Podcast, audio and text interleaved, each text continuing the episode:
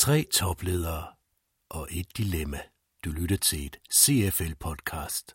En hver situation, en leder befinder sig i, er en mulighed for læring og træning. De dygtigste ledere, de reflekterer, de reflekterer hele tiden over deres praksis. Vi er nødt til at se i øjnene, at ledelse er dilemmafyldt. Der er ikke en entydig måde at håndtere udfordringer på.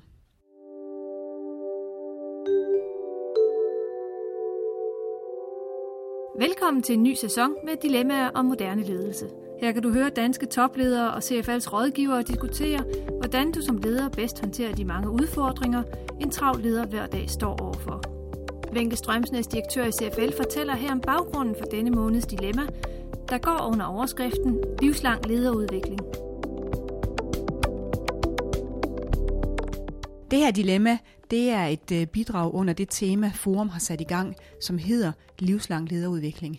Det overordnede tema er, hvordan man som leder ikke lederudvikler sig som, som et projekt, som noget, man gør en gang imellem væk fra hverdagen, men faktisk løbende og hele tiden sørger for, at når man bevæger sig i det, vi kalder leadership pipeline, så får man også aflært og tillært det, der skal til. Det er CFL's Forum for Værdiskabelse, der har formuleret, diskuteret og udvalgt de forskellige dilemmaer.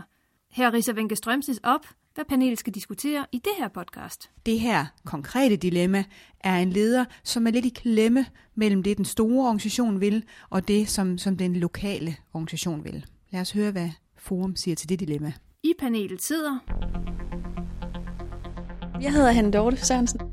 Søren Huscher, øh, administrerende direktør for Norian Product Pool. Jeg hedder Francis Zakaria, jeg er visdirektør i Søfartsstyrelsen.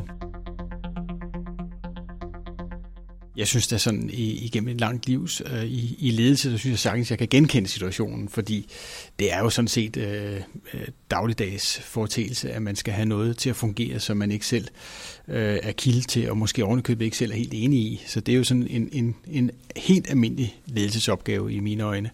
Og, øh, og det går sådan på praktikken, ikke? at man skal motivere og holde medarbejderne til og prøve at gøre det nærværende, tror jeg. Det er rigtig vigtigt. ikke? Og, og det kan de gode ledere. Øhm, jeg håber ikke, det er sådan hverdagsagtigt, at øh, man skal gå på kompromis med øh, sin egen overbevisning som leder. Øh, for hvis, hvis det bliver hverdagsagtigt, så synes jeg, man skal kigge, kigge lidt indad, og så finde ud af, at man overhovedet er det rette sted. Så hvis det er en hverdagsforudsigelse, så find et andet arbejde. Jeg er jo fra den offentlige sektor, og vi er jo politisk styret, og regeringerne skifter, og man kan jo ikke være enig med dem alle sammen. Så øh, det har jeg da prøvet masser af gange, hvor øh, man øh, har en politisk chef, som øh, sådan set som udgangspunkt har en helt anden øh, holdning til, hvordan tingene skal gøres. Og det er sådan fuldstændig rutine for os, der har været mange år i i offentlig øh, ledelse på et vist niveau, det er, at man øh, skal afkode de politiske signaler og få det ført ud i livet på en, en hensigtsmæssig og god måde. Så det er en helt normal ledelsessituation egentlig. Hvis ikke man er enig med, med koncernledelsen, eller den udenlandske ledelse, så må man enten diskutere sin, øh, øh sin forskelle, og hvis ikke man kan få øh, vinde gehør for sin opfattelse af, hvordan øh, øh, virksomheden skal ledes i Danmark, og hvad der man bidrager med, så må man gå. Øh, omvendt så håber jeg så selvfølgelig, at den pågældende landeleder øh, har et job, han eller hun er godt tilfreds med, og ønsker og føler, at de kan bidrage til den her overordnede strategi.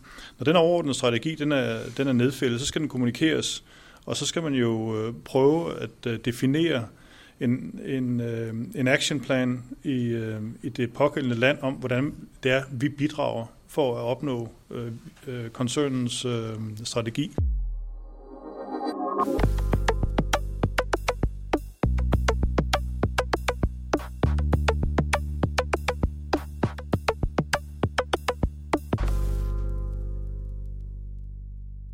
Hvis landet eller afdelingen kunne det være, ikke fungerer i overensstemmelse med øh, den strategi, der er, der er lagt, så har man et problem. Der, der tror jeg det er rigtig vigtigt, det der med at få skabt nogle rum for, at man får medarbejderne inddraget på en meningsfuld måde. Altså sådan, at man får, får skabt et, et, et nationalt præg på en international strategi, så det giver mening for medarbejderne at sige, jamen vi, har, vi, vi er inden for den overordnede ramme, men her i Danmark, der vil vi lige præcis vælge at sætte fokus på det og det og det, fordi vi tror på, at det er det, der er afgørende for at få succes øh, med tingene i vores land. Altså at, at der er, at der er lejligheder, øh, Øh, anledninger til, at medarbejderne kan blive inddraget i de her samtaler, og der kan blive skabt en mening med, hvordan ser det så ud her hos os. Og man kan sige, hvis ikke man kan få, få det her til at spille på en måde, så det giver mening i den kulturkreds, vi er, jamen så er det måske den internationale strategi, der skal overveje, om de skal være i Danmark. Jamen, jeg, jeg er fuldstændig enig. Altså, det, det, det drejer sig jo i sidste ende om at skabe ejerskab til det, ikke? for at få en, en god motivation fra, fra medarbejderne. Ikke?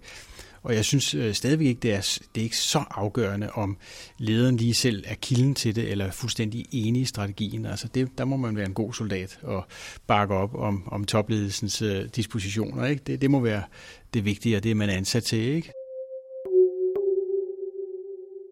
Du lytter til et CFL-podcast. Der må være en berettelse for, at den her virksomhed har øh, en, øh, en organisation i Danmark. Og øh, vi skal jo sådan retfærdiggøre vores eksistens, uanset om vi er en, øh, en organisation i Danmark, eller om vi er en afdeling i en virksomhed. Øh, og det er ved at producere og bidrage positivt til, øh, til den her værdikæde, som virksomheden er en del af. Jeg tror sådan, at vi er fuldstændig enige. Altså, det var bare en, en kliché, det med en god soldat. Ikke? Altså, det, det drejer sig vel om, og, og det som du også er inde på, Søren, at der var grund til, at, at den her afdeling ligger i Danmark. Det er vel fordi, man udnytter de kompetencer, de styrker, der ligger i det danske arbejdsmarked. Ikke?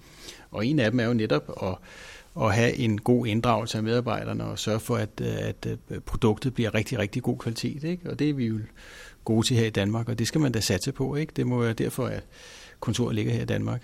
Det kunne være en af grundene i hvert fald. Man skal jo ikke bare trække et sådan et fait accompli ned over hovedet på folk, og så sige, at det er den her måde, vi vil have det på. For det er jo, så er man i hvert fald misforstået det der med at have en, have en virksomhed i Danmark. For sådan virker det ikke. Der er, øh, der er nogen, der gerne vil have noget medbestemmelse. Ikke? Den virker bedre i Østen. det har jeg da selv gjort erfaring for.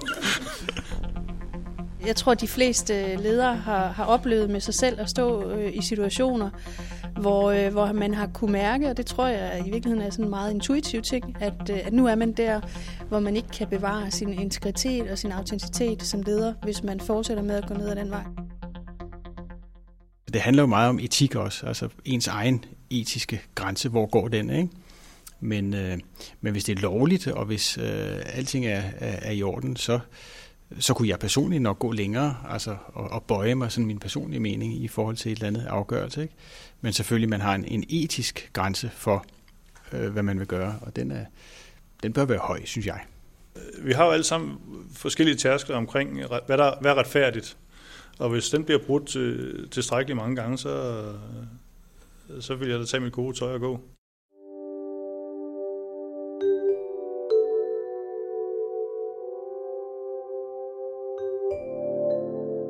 Som vi her hørte panelet debattere, handler dilemmaet både om etik og om at kende sine grænser, altså en evig stræben efter idealet om god ledelse.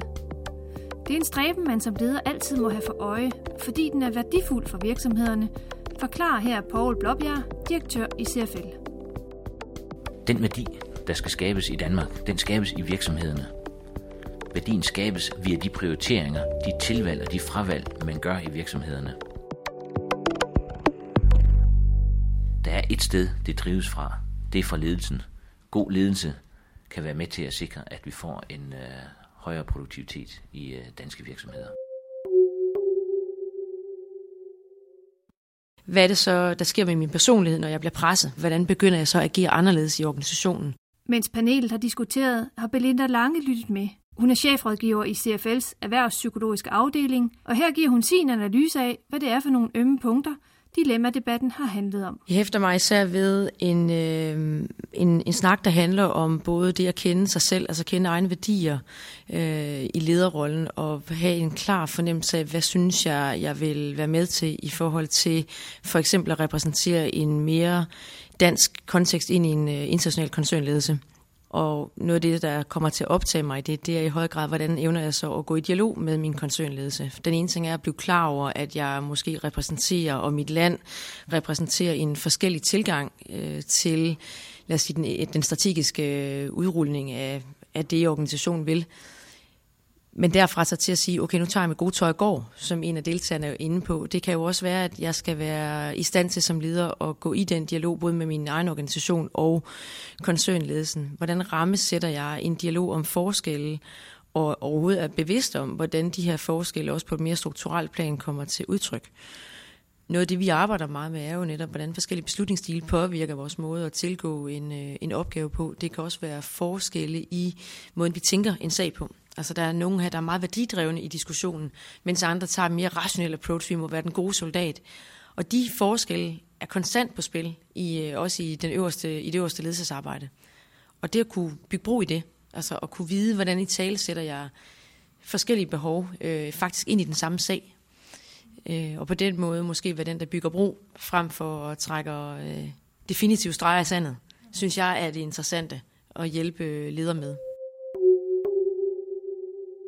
Den læring, jeg synes, der er i gang, det er jo, på det, øh, det er jo to ting. Den ene ting er et, øh, at forstå det organisatoriske spil, kan man sige. Det er, hvad er det for en måde, øh, der bliver i virkeligheden beslutninger og processer bliver rullet ud i en organisation, og hvordan er det, jeg finder min, min navigationsmulighed i det.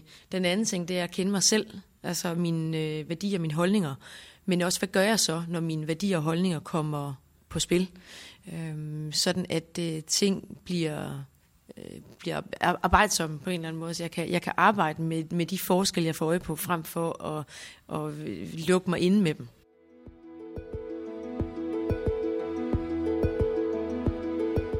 Og det var altså Belinda Lange fra CFL, du hørte her til sidst. Dilemmaet om livslang lederudvikling er slut. Husk, at du kan podcaste en lang række andre dilemmaer fra CFL's hjemmeside eller via iTunes. Vi vender snart tilbage med flere problemstillinger på de danske direktionsgange. På genhør.